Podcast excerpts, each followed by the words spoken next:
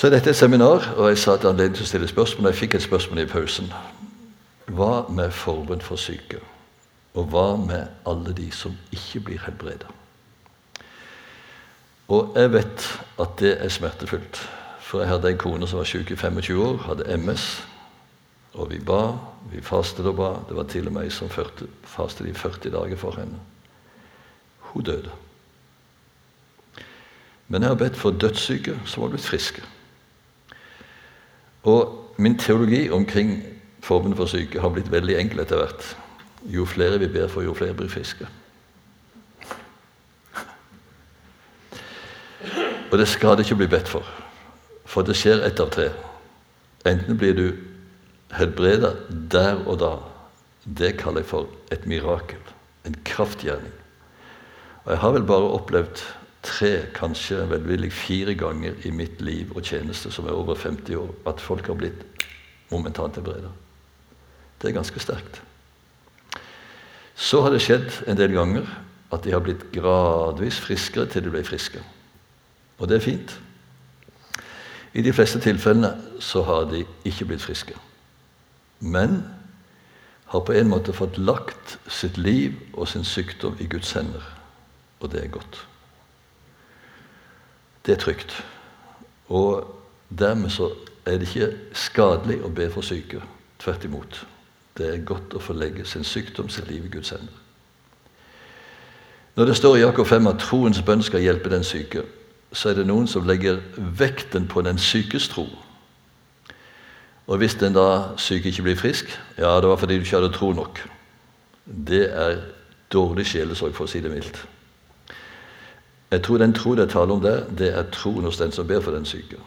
Og Noen ganger så kan man faktisk få en sånn tro at nå griper Gud inn. Jeg har opplevd det noen få ganger. Men det som ventes eller forventes av den syke, det er at han går til Jesus med sykdommen. Og Dere husker denne beretningen om denne faren som kom til Jesus med gutten. Først gikk han til disiplene, men de kunne ikke helbrede han eller be han fri. Så kom han til Jesus. Om du formår, sier han. Om jeg formår, sier Jesus. Alt er mulig for den som tror. Og Da tenker jeg at Jesus mente seg sjøl. Men mannen misforsto. 'Jeg tror, hjelp meg i min vantro', sier han. Men han var ikke vantro.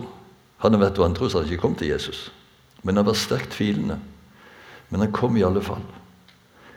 Jeg hadde en opplevelse, jeg fortalte det på bønnekomiteen. Jeg var i England, på The Holy Island of Lindisfarne, på en retreat. Og Der fikk jeg vite at de hadde forbundsgudstjeneste for syke én gang i måneden.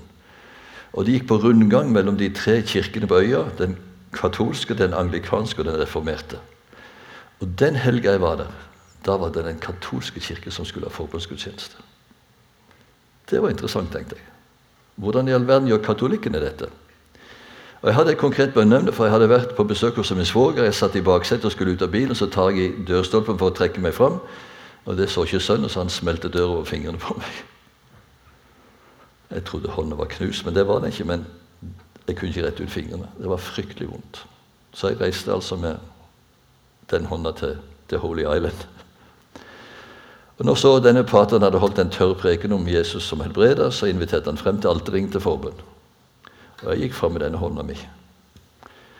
Og så la jeg merke til han hadde en lapp i hånda og ba den samme bønna for alle. Og så kom han til meg. Hva var det det gjelder? Ja, det er denne hånda. Jeg kan ikke rette ut fingrene. Leste bønna, la hånda bort på min hånd og helbred denne hånd. Amen. Gikk han videre. Ja, ja, tenkte jeg. Det var jo stusslige greier. Kom ut. Det var et par andre nordmenn der, og vi snakka sammen. Jeg spurte hva syns du om denne forestillingen. Nei, de syntes det var nokså labert. Og mens jeg står der og snakker I all verden. Jeg er blitt helbredet. Jeg hadde ikke mye tro, men jeg gikk fram. Og det var som Jesus sa til Oddvar, det er ikke presten som helbreder. Det er jeg som helbreder. Og da tenker jeg at ja, men hvorfor blir ikke alle helbreda, da? Når det er så mange løfter knytta til at vi skal be for syke osv. For det første så tror jeg det at helbredelse er et tegn på at Guds rike er kommet nær. Men Guds rike er ennå ikke kommet i herlighet. Så når vi opplever helbredelse, så er det en forsmak på det riket der synd og sykdom, sorg, nød og død er borte. Det er en forsmak. Hvis du sier at ingen kristen bør være syk, så har du egentlig tatt himmelen på forskudd. Men det er en forsmak. Alle kristne og alle mennesker lever i en verden der synd og sykdom fortsatt råder. Men vi har blitt borgere av Guds rike, og vi kan forvente at Gud fra tid til annen griper inn og stadfester sitt ord. Ja, men står det ikke at Jesus bar våre sykdommer? Jo, det gjorde han. Han bar vår synd, han bar våre sykdommer. Og Derfor vet vi at en dag skal vi bli både syndfri og sykdomsfri. Men like så lite som vi blir syndfrie her i denne verden, like lite blir vi syndfrie. Sykdomsfrie. Vi kan vinne seier over synd, vinne seier over fristelse, men vi har fortsatt vår syndenatur, og vi faller i synd. Og vi kan vinne seier over sykdom, men vi kan bli syke igjen. Men Guds rike er kommet nær, og vi skal frimodig få be. Så kan det skje at Gud venter med å svare fordi at hans time er ikke kommet. Min time er ennå ikke kommet, sa Jesus. I den time det behaget meg, bønnhørte jeg deg, står det i 2. Korintene 6,2. Så noen ganger sier Gud 'vent'. Det er kanskje noe han vil lære oss gjennom denne perioden før han griper inn. Noen ganger så kan det være uoppgjort synd som hindrer. Og Derfor sier Jakob i forbindelse med bønn for syke bekjenn da syndene for hverandre og be for hverandre, så dere kan bli helbredet. Og Derfor er det egentlig naturlig og rett å spørre en person som søker formen for sykdom, er det ting som skulle vært gjort opp før du blir bedt for. Og Hvis en person vet med seg selv at han lever i synd, så vil jeg si da må du først få bekjent og gjort opp dette før du søker forbund. Det betyr ikke syndfrihet. Hvem kunne da bli bedt for? Men at vi ikke holder noen tilbake. Og så har vi den tro at Gud kan vende det vonde til det gode. Jeg tror ikke vi kan si at Gud sender sykdom, men Gud tillater sykdom, og Gud kan vende det vonde til det gode. I Sveits bodde det på tidlig 1900-tallet en mann som het Samuel Seller. Han var kronisk syk hele livet. Men han hadde en spesiell gave til å be for syke. Og han ba noenlunde slik.: Herre, hvis det er din vilje, så la dette under skje at din venn blir helbredet nå. Men hvis det ikke er din vilje at han skal bli helbredet nå, så gjør et enda større under at han må kunne bære lidelsen til din ære. Og Det er kanskje det som er bønnens dypeste hensikt, at Gud skal bli æret. Da skal vi snakke litt om hvordan vi kan be. Og Hvis du nå trodde at du skal få en oppskrift som gjør at du alltid får bønnesvar, så må du tro om igjen. For bønn er ikke magi. Magi, Da har du en sånn trylleformel, og da får du det ønskede resultatet. Og Det som jeg sier nå, det er ikke alt som du skal ta til deg, eller alt som passer for deg. For vi er veldig forskjellige av type. Noen er introverte, noen er ekstroverte. Noen er sånn, noen er sånn. Vi er i forskjellig livssituasjon. Noen er småbarnsforeldre, noen er eldre voksne, noen er pensjonister. Vi er veldig forskjellige. Og det det gjelder om, er å finne en form og måter å be på som fungerer både i ditt eget gudsliv og i menighetens forsamling. Vi skal ikke kopiere hverandre, vi skal finne det som Gud vil vi skal gjøre, og hva som fungerer for oss. Men noen spørsmål rent praktisk. Hvor kan vi be? Og da er første svaret overalt. I Salme 145 står det at Herren er nær hos den som kaller på Han. Og når denne samaritanske kvinnen kom til Jesus og ville vite skal man tilbe Gud på Garisim eller i Jerusalem, så svarer ikke Jesus på hvor, men hvordan, i ånd og sannhet. Men allikevel, om vi kan be til Gud overalt, så er det godt å ha et eget bønnested. Og Jeg var på min første retreat i 1991, og siden har jeg stort sett vært på en retreat i året. Og det er fantastisk å være i stillhet, helst i fem dager, ei uke. For de par første dagene så er det gjerne så mye indre uro at du får ikke sendt skikkelig kontakt, men så begynner ting å ordne seg. Men da oppdager jeg for første gang i mitt liv hvor viktig det er med den ytre rammen for den indre samling. For jeg hadde stort sett hatt mitt bønnested ved min skrivepult. Og jeg mener det at det å rydde på sin skrivepult det er bortkasta arbeid. For jeg skal jo fortsette neste dag. Og Dessuten så opplever jeg gleden ved å, finne, finne, å finne igjen ting som jeg for lengst trodde var tapt, stadig vekk. Så det å ha orden på sin skrivepult, det er ikke noe vits i. Men det er dårlig å ha masse ting som ligger og roper på deg at 'nå må du gjøre noe med meg'. Og så oppdaget jeg du verden hva det betyr å kunne være på et rom bare ordnet for bønn. Så når jeg kom hjem, så rydda jeg et loftskott og innreda det som et bønnerom. Satt inn et bord, en kneleskammel, et Jesusbilde, en lysestake, en bokhylle, en stol. Og så kunne jeg lukke døren og lukke han har sagt verden ute, og så var jeg inne med Jesus. Der kunne jeg sitte, der kunne jeg stå, der kunne jeg knele. Der kunne jeg snakke høyt med Jesus. Og det var en helt annen konsentrasjon i bønnen. Og Jesus sier at når du ber, skal du gå inn i ditt lønnkammer, lukke den dør og be til den far som ser det skjulte. Den far som er det skjulte, skal lønne deg i dagen. Moses, Det står at han hadde et eget bønnetelt utenfor leiren. Og Der snakket han med Gud som en mann taler med en annen mann. Jeg vet ikke om du har mulighet for å ha et bønnerom i huset ditt. En del mennesker har et TV-rom. Det sier kanskje hva de prioriterer høyest. Men om du ikke har mulighet for et eget bønnerom, så prøv om du kan ha en bønnekrok eller bønnestol, slik at du vet at når du sitter der i den kroken eller i den stolen, så sitter du på Guds fang. Og så er det for å be. Og det hjelper til sinnets samling. Jeg syns det er veldig flott at det er bønnerom her i dette huset. Og jeg sier til alle som skal bygge bedehus eller fornye bedehuset, sørg for at du får et bønnerom. Det sier litt om prioritering. Det er viktig å kunne ha et sånt rom der man kan gå inn, be og bli bedt for, kanskje legge et bønnelapp som noen kan be for siden. Og Dermed så viser vi i praksis at dette er noe som vi vil prioritere. Du kan be overalt, men det er godt å ha et eget sted også. Det er en hjelp til konsentrasjon i bønnen. Jeg syns også det er fint å be når jeg er ute i naturen. Snakke høyt med Gud, det er veldig flott. Men du kan be overalt, men ha også et eget bønnested. Nå kan du be til enhver tid. Be til enhver tid i Ånden, sier Paulus i Efesene 6,18. Så det er ingen tidspunkt der Gud sier 'beklager, jeg er opptatt'. Det er kontortid mellom 9 og 14. Nei, til enhver tid. Men så er det likevel godt å ha faste avtaler. David sier i Salme 5 at 'tidlig om morgenen søker jeg deg, tidlig bærer jeg frem mitt offer og venter'. Ja, jeg syns det er godt å begynne dagen med Guds ord og bønn. Men så vet jeg at det finnes B-mennesker. Men de kan ikke be om morgenen. De er altfor trøtte til det. Da er det flott at det står i Salme 119, vers 62.: Midt på natten står jeg opp og priser deg.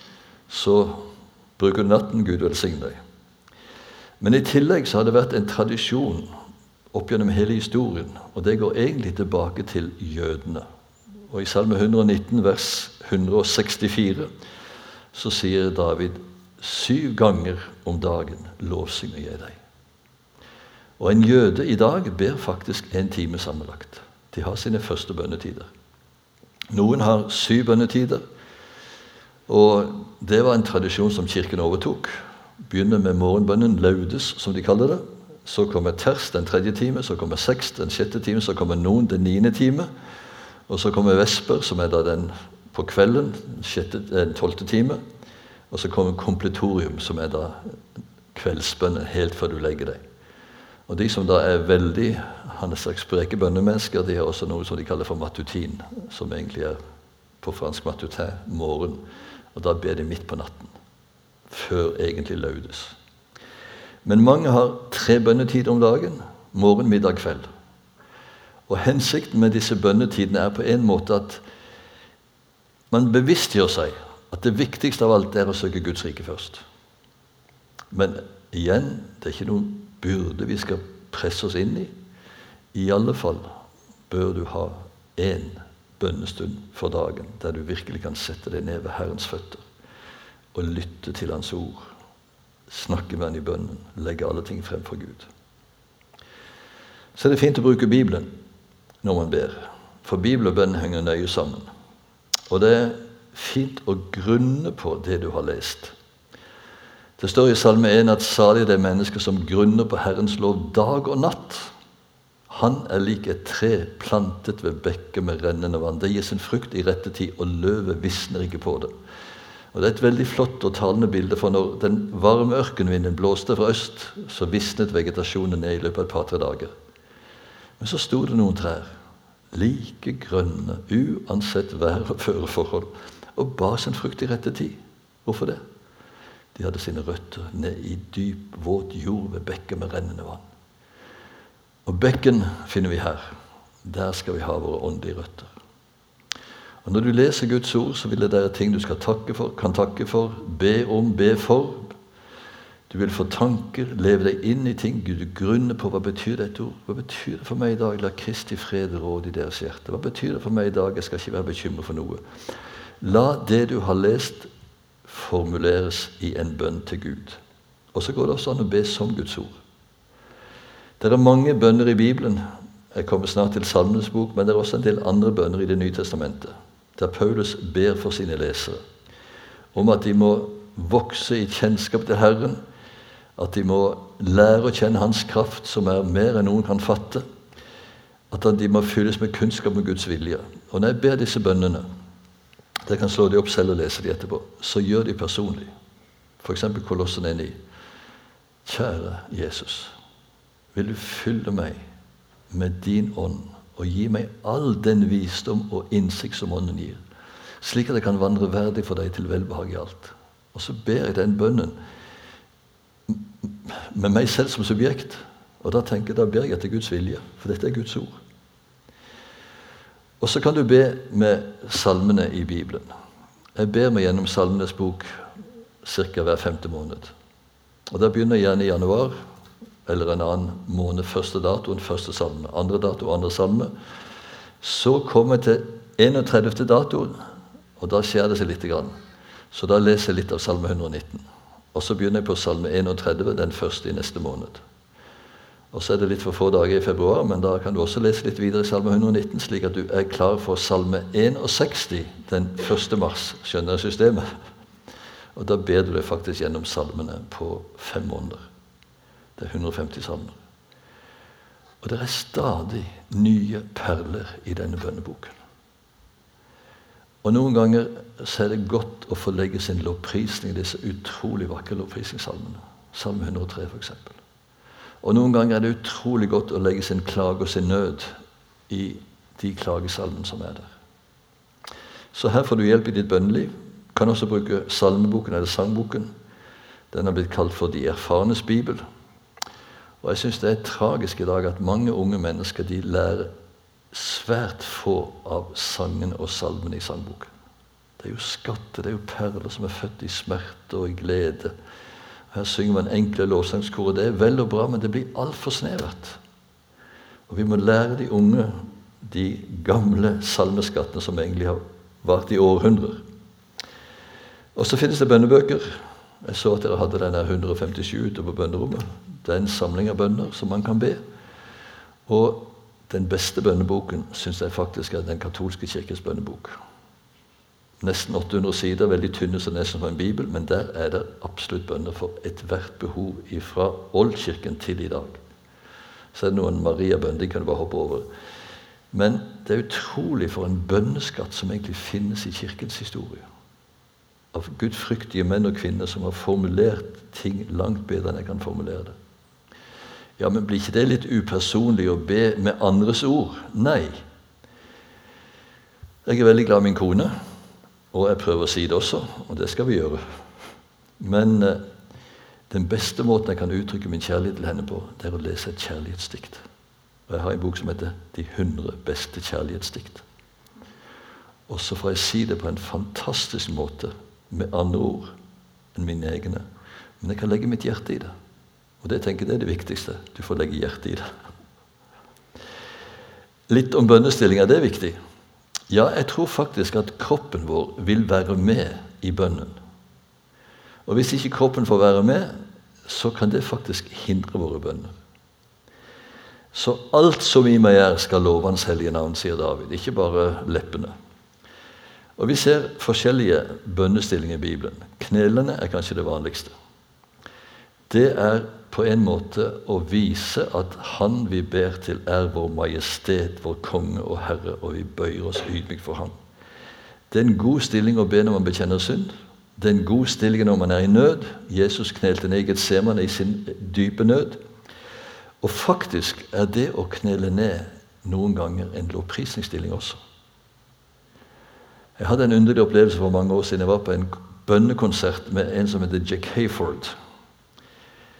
Og han leder oss i lovsangen, i tilbedelsen. Og det var ikke sånn 90 desibel med hæla i taket. Men det var en utrolig stille og vakker tilbedelse. Og så begynner det å skje at den ene etter den andre faller på kne og begynner å løfte hendene. Jeg sa dette på at Hvis Jesus hadde kommet og henta, så hadde jeg ikke merka forskjell, for jeg var i ferd med å ta av allikevel. Utrolig godt å tilbe på kne. Og faktisk Når det står i Matteus 28, 17 at de falt på kne og tilba han, så brukes et verb som egentlig betyr de falt faktisk med ansiktet mot jorden. Proskineo. Falle på kne med ansiktet mot jorden. I ærefrykt, i tilbedelse. Stående, det er egentlig en kampstilling. Da den lille judastammen ble angrepet av tre mektige krigerfolk, ammonittene, moabittene og meunittene, da innkalte kong Josjafat til et nasjonalt bønnemøte. Og Da står det at alle sto foran Herrens åsyn. Menn og kvinner og barn. Og de ropte til Gud. Vi har ikke styrke til å gå imot denne store hæren, men våre øyne er vendt mot deg. Og så kommer det et profetisk budskap gjennom levitten Jahasiel, der Gud sier at dette er ikke deres krig. Dere skal bare stå og se hvordan Herren frelser dere. Men allikevel, de drar ut i strid mot disse mektige krigene. Og de stilte opp en flokk av lovsangere som skulle dra ut foran den væpnede hæren. Og de skulle synge 'Pris Herren, for Han er god'. Kan du tenke deg for en krig? Blanda koret først i hæren. Men straks de stemte i med sine lovsanger, så vant de en veldig seier. Og så kalte de dalen for lovprisningsdalen. Og Det tror jeg dette som Luther sier når vi ber må Satan gå, når vi priser Herren må han løpe. Lovprisning er faktisk en form for kamp, åndskamp. Og er vi i en sånn kampsituasjon, da er det ikke så godt å nesten bare sitte sammensunket på en stol. Da er det ofte godt å gå og be og stå og vite at nå er vi faktisk på Jesus side i kampen. Det er også en lovprisningsstilling. Og egentlig så tenker jeg at det skulle vært automatisk at når vi synger lovsanger eller tilber Herren, så reiser vi oss. Hvis kong Harald eller kompisene hadde kommet inn her nå i kveld jeg tipper Alle hadde spurt opp, ikke sant? Men kongenes konge er her. Da kan ikke liksom bare sitte sammen. Og Det står ikke i Skriften når den store, hvite flokk lovsynger Herren. Da står det at de satt foran Herrens trone. Nei, de sto for Herrens trone. Og det er godt å stå og lovsynge. Det står i Salme 134 Dere som står i Herrens hus om netten og lovpriser Ham. Det er også naturlig å løfte hendene i lovprisning. For det er en måte å hylle kongen vår på. Jeg talte forresten om bønnestilling i Frikirken Kristiansand for en tid siden. og Da kom det en etterpå og sa du Sjøvik, jeg kan ikke noe med det der å løfte hendene. Nei, greit det, sa jeg. Du får bare putte det i lomma. Der Herren sånn er, der det er frihet. Men ofte er det godt å løfte hendene også. Nei, jeg kan ikke noe med det der, Søvik. Så går han fra Frikirka og bort på, start, på stadion og heier på Start. Heia Start! Heia Start! Heia Start! Som det var noe å heie for.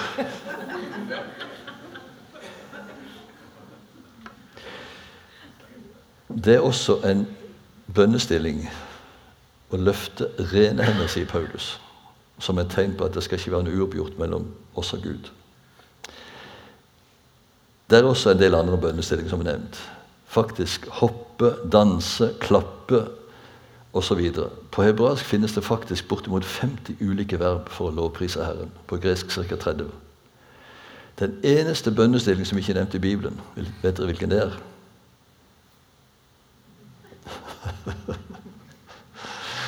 Men det betyr at nå avstår jeg fra all annen aktivitet. Nå vil jeg konsentrere meg om Herren.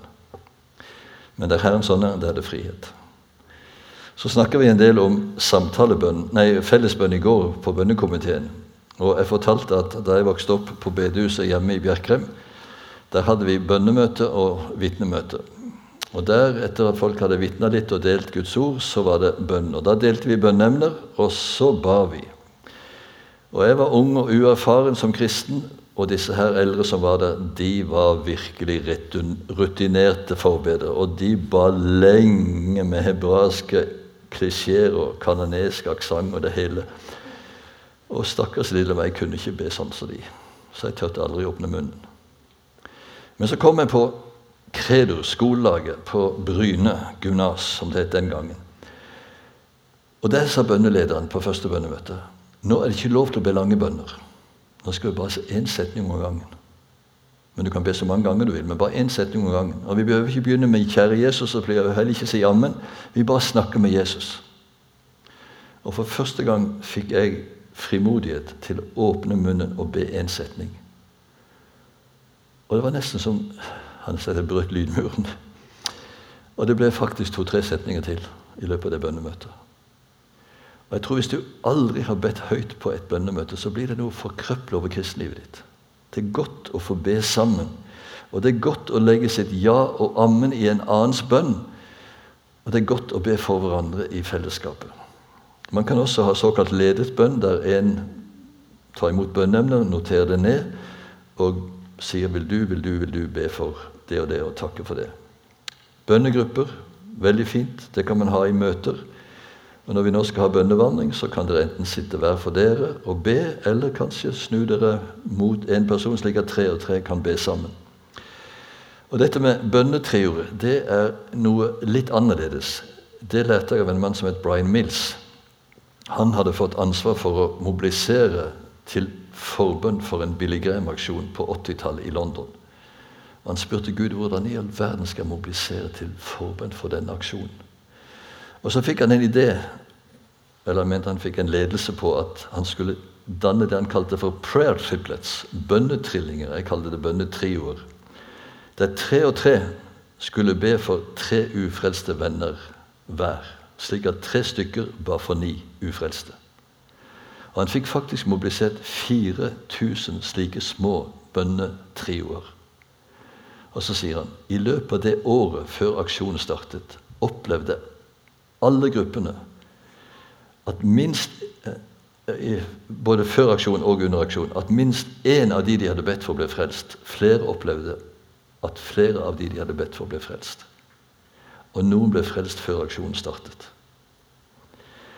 Bønnelenker det er mer sånn har sagt nødlenker, der hvis man har en sånn bønnelenke la oss si, av en ti personer, så kan man ringe til lederen, som ringer til neste, og på 123 er en lenke mobilisert for å be for en konkret emergency, en nødsituasjon. Og Der har jeg opplevd mange bønnhørelser. Vi kan gå bønnemarsjer to og to eller flere i flokk. Og en ting som er veldig flott, det er å møtes tverrkirkelig. For skal vi oppfylle Jesu bønn om at vi alle må være ett, så er den beste måten å oppfylle det på å komme sammen og be på tvers av menighetene. Så jeg har veldig sans for tverrkirkelige bønnemøter, der lederne kanskje kan møtes, eller der man kan også møtes på menighetsplan. For å virkeliggjøre Jesu bønn om at vi alle må være ett. Det betyr ikke at vi er enige i alt, men vi skal være kjærlige i alt. Og så litt om bønn og faste. For det sies det heller ikke så mye om. Og Noen sier ikke det er noe som bare jøden holder på med, eller noe som katolikken holder på med. Nei, Jesus sa at når dere ber, da skal dere gjøre sånn og sånn. Og når dere faster, så skal dere gjøre sånn og sånn. Ikke hvis dere faster. Og hvorfor faste? Jo, faste betyr egentlig å avstå fra å spise. Men det er mange andre ting man også kan avstå fra. Og jeg tenker I dag er det kanskje en stor fordel om man av og til kan ha en mobilfaste. For du verden hvor mye tid Internett og data og mobil og alle disse her mediene tar av tid. Noen ganger er det godt å legge dette bort. Slå av mobiltelefonen, slå av datamaskinen, og så går du inn i en bønnestillhet fordi du vil snakke med Herren. Du trenger ledelse. Men det er også noe med dette å la være å spise. Og Spesielt etter to-tre dager så innstiller liksom kroppen seg på at nå er det ikke mer mat å få.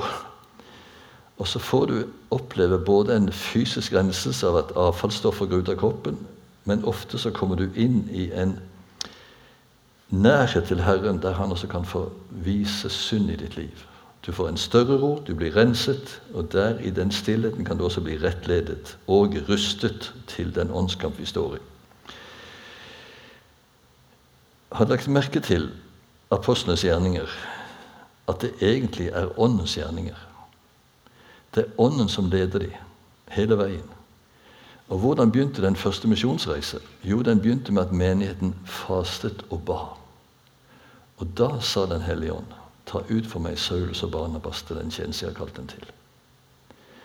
Og Jeg tror at noen ganger så vil det være riktig å rett og slett kalle inn til bønn og faste dag eller weekend eller kanskje uke. Ikke at man nødvendigvis behøver faste hele uken, men at man velger en dag eller to eller tre til å være i bønn for denne saken. Jeg kunne nevne utrolig mange bønnesvar på nettopp dette. Fast er ikke en form å tvinge Gud med, som noen tror, men det er en hjelp til større åndelig konsentrasjon. Og hvordan? Ja, et måltid, en dag, flere dager, en uke. Jesus fastet i 40 dager. Men sørg for rikelig drikke, for vi kan ikke greie oss mer enn tre dager uten vann. Hvem kan faste? Det kan alle. Men eh, det er kanskje ikke anbefale for unge i oppveksten. De trenger mat. Og det er heller ikke anbefale for de som f.eks. har sukkersyke eller andre sykdommer. Er man i tvil, konferer med lege. Men for de aller fleste vil det rett og slett være sunt. Og Jeg har en god venn som har vært syk i fem år. Og så fikk han det for seg. Jeg skal begynne å faste.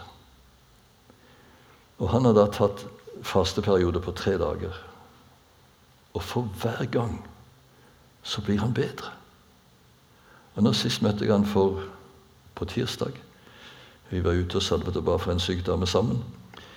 Og han var så frisk som han aldri har vært etter å ha vært syk i fem år. Og Han sa det virker akkurat som disse her giftstoffene som vi har hatt i kroppen.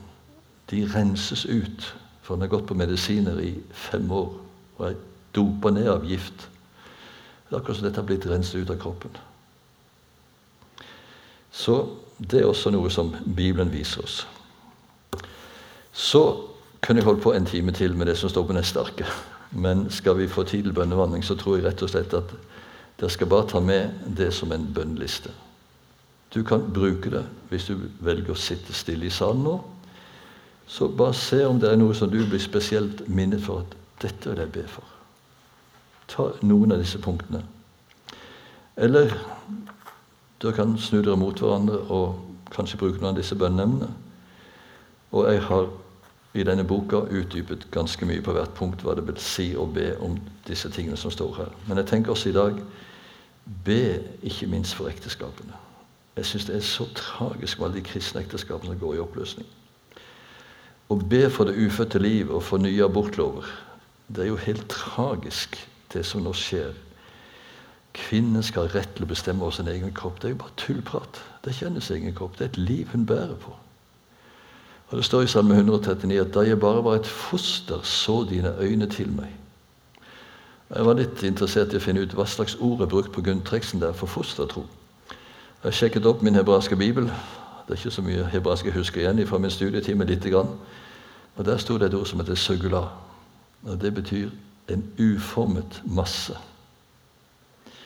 Og hvor tidlig i fosterstadiet er fosteret en uformet masse? Ca. fem uker. Da begynner fosteret å ta form. Og På engelsk står det 'When I only was an unformed body, your eyes looked upon me'. Og Selv om ikke fosteret har noe bevisst forhold til Gud, så har Gud et forhold til fosteret. Og da har det ikke vår ansvar å bryte av et sånt liv. Og det er mange andre ting vi også kan be, og ikke minst om vekkelse og fornyelse. Det trenger vi stadig å be om. Vi trenger også å be frem nådegavene, slik at vi blir en nådegavebasert menighet. Vi trenger å be for misjonen, og ha inntrykk av at dere er virkelig trofaste i den tjenesten, så fortsett med det. Be for Israel, men ikke bare for jødene. Be også for arabere og palestina. At de må komme til tro. Det er kanskje den beste måten at det kan bli fred der nede. Be for øvrighet. Be for verden. Det er mye å be om. Og jeg tror at vi har bare tatt ut lite grann av de ressurser som finnes i bønnens makt. Amen. Ber litt. Herre Jesus, nå ber jeg om at du skal lede oss når vi nå skal ha bønnevandring, og be sammen. Takk igjen, Herre, for privilegiet vi har fått, at vi kan komme til deg med alle ting. Ingenting er for stort for din allmakt, ingenting for lite for din Fader i omsorg. Så Herre Jesus, velsign denne stunden vi nå skal ha sammen, at vi kan få kjenne på ditt nærvær Kjenn at det er godt å være sammen og be til deg. Lovet være ditt navn.